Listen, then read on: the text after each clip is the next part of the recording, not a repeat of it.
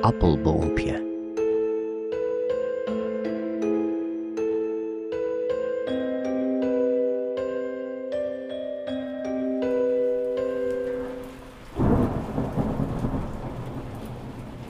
Op stormachtige avonden als deze kon Steve de speelgoedfabriek horen als hij in zijn kamer zat. Het was een vreemd soort piepend geluid dat soms sterker werd, maar nooit verdween.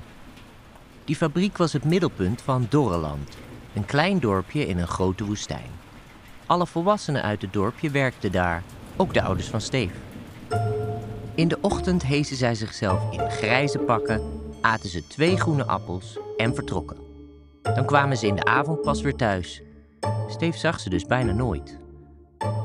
Als het slecht weer was, keek hij soms urenlang door het raam, wachtend op hun terugkomst. Hij kon ook niet veel anders. Er was geen speelgoed in het huis en sinds Evie weg was, woonden er geen andere kinderen meer in de buurt. Als Steve zijn ouders vroeg of ze misschien een keer een stuk speelgoed van de fabriek mee konden nemen, zeiden ze altijd hetzelfde. Kinderen in Dorreland spelen niet. Spelen is niet belangrijk. Waar spelen de kinderen dan wel? vroeg Steve dan. Daar zul je gauw genoeg achter komen. De klok sloeg acht uur. Ze zouden nu wel spoedig thuiskomen. Vanuit zijn bed keek Steve uit het raam, maar hij zag alleen de kleine appelboompjes die in de achtertuin stonden. Door de harde wind zwierden ze vervaarlijk heen en weer en maakten de bladeren een huilend geluid. Oh, wat was Steve er nu graag ingeklommen, dan zou hij hun kapitein zijn.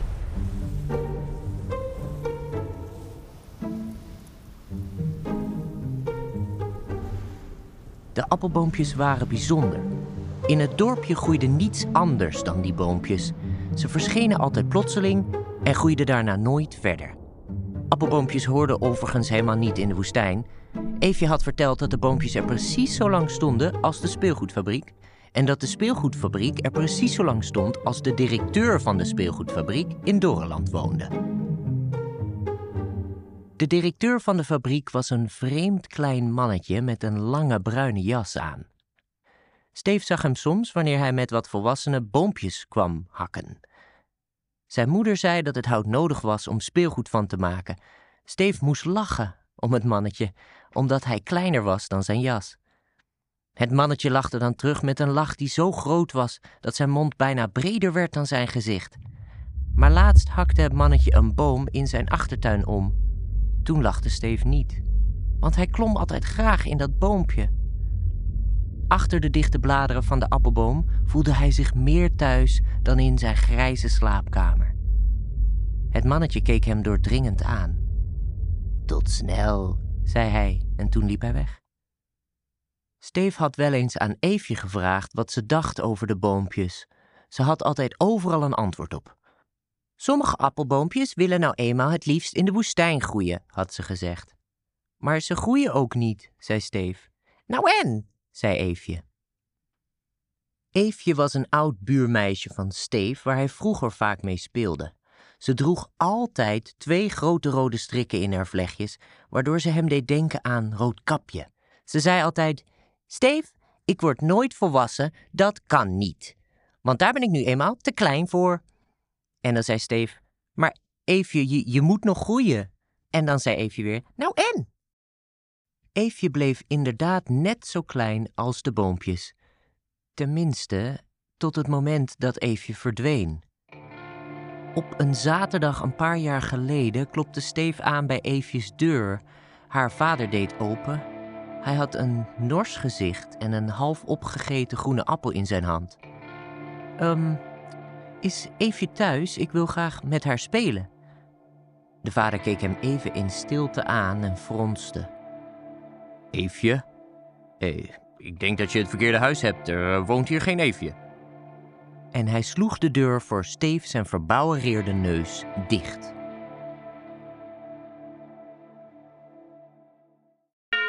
Steve schrok van de klok die aangaf dat het nu negen uur was.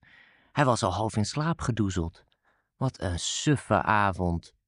Een paar weken geleden hadden zijn ouders Steve verboden om in de appelboompjes te klimmen.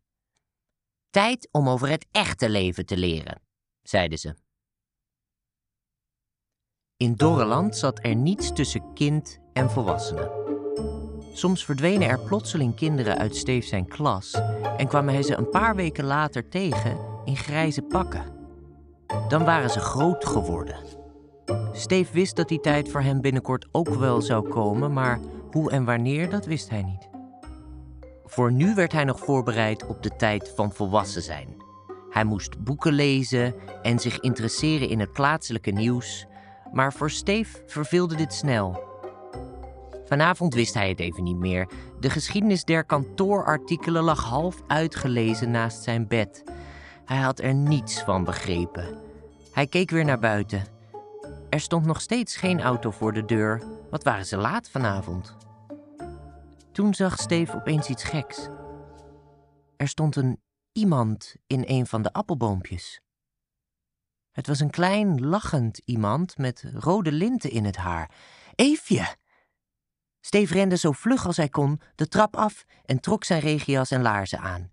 Toen piepende remmen en een autodeur. Zijn ouders waren vast thuisgekomen. Hij stond doodstil.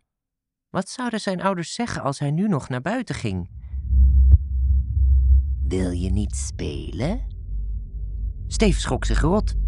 Achter hem stond de kleine directeur van de speelgoedfabriek in zijn lange bruine jas. Hij lachte hartelijk. Eh, ja, jawel, maar, stamelde Steve. Het bleef even stil tussen hem en het mannetje. De voetstappen van zijn ouders waren al op de veranda. Steve wilde naar Eefje. Uh, wat doet u hier eigenlijk? vroeg Steve, die zich opeens besefte dat het best wel heel vreemd was dat de directeur van zijn ouders opeens in zijn gang stond. Ik heb zin om een boomhut te bouwen. Opeens vond Steve de lach van het mannetje niet meer zo hartelijk. Zijn mondhoeken stonden onnatuurlijk ver naar boven en zijn tanden waren ontbloot. Steve dacht er een soort honger in te zien die hem helemaal niet aanstond. Eh, een andere keer misschien, sorry. En Steve trok zijn laarzen weer uit. Wilde u mijn ouders spreken? Vind je het vervelend dat alles grijs is? Steve schudde van niet. Hij wilde het mannetje weg hebben en liep al een paar stappen in de richting van de deur om hem uit te laten. Ik kan je meenemen naar Eefje. Ook de ogen van het mannetje leken nu anders. Zonder het maanlicht waren er alleen nog twee zwarte gaten over.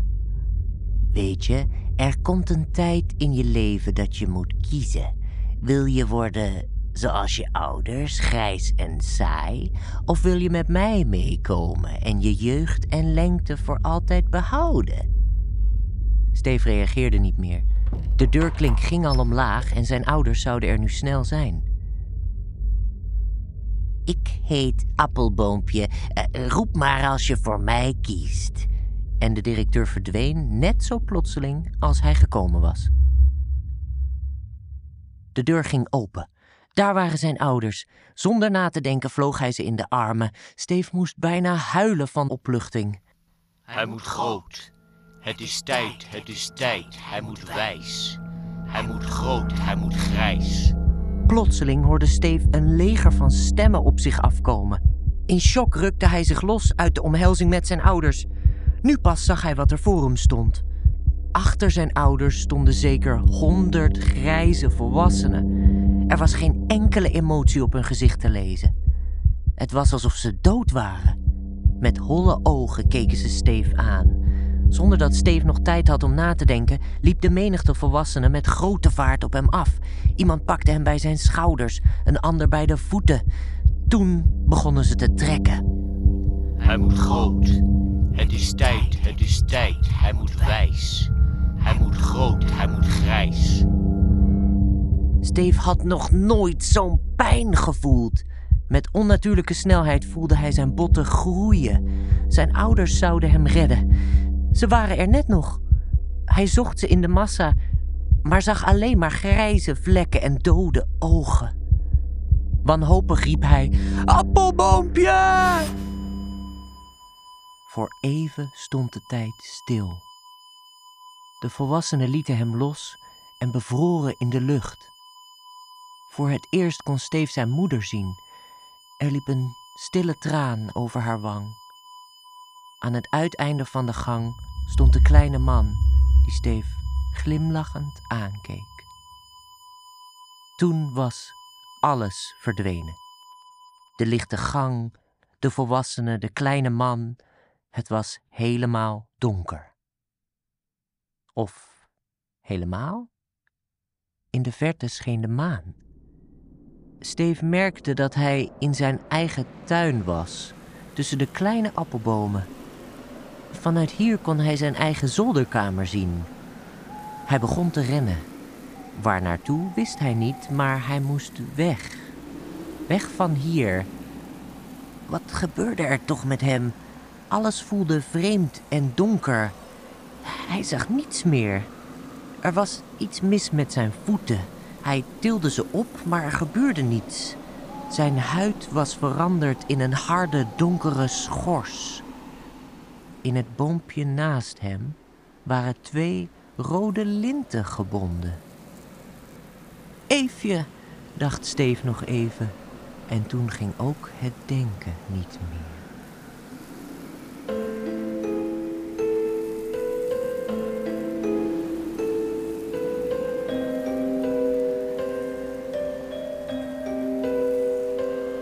Dit verhaal is geschreven door Ellen Dekkers.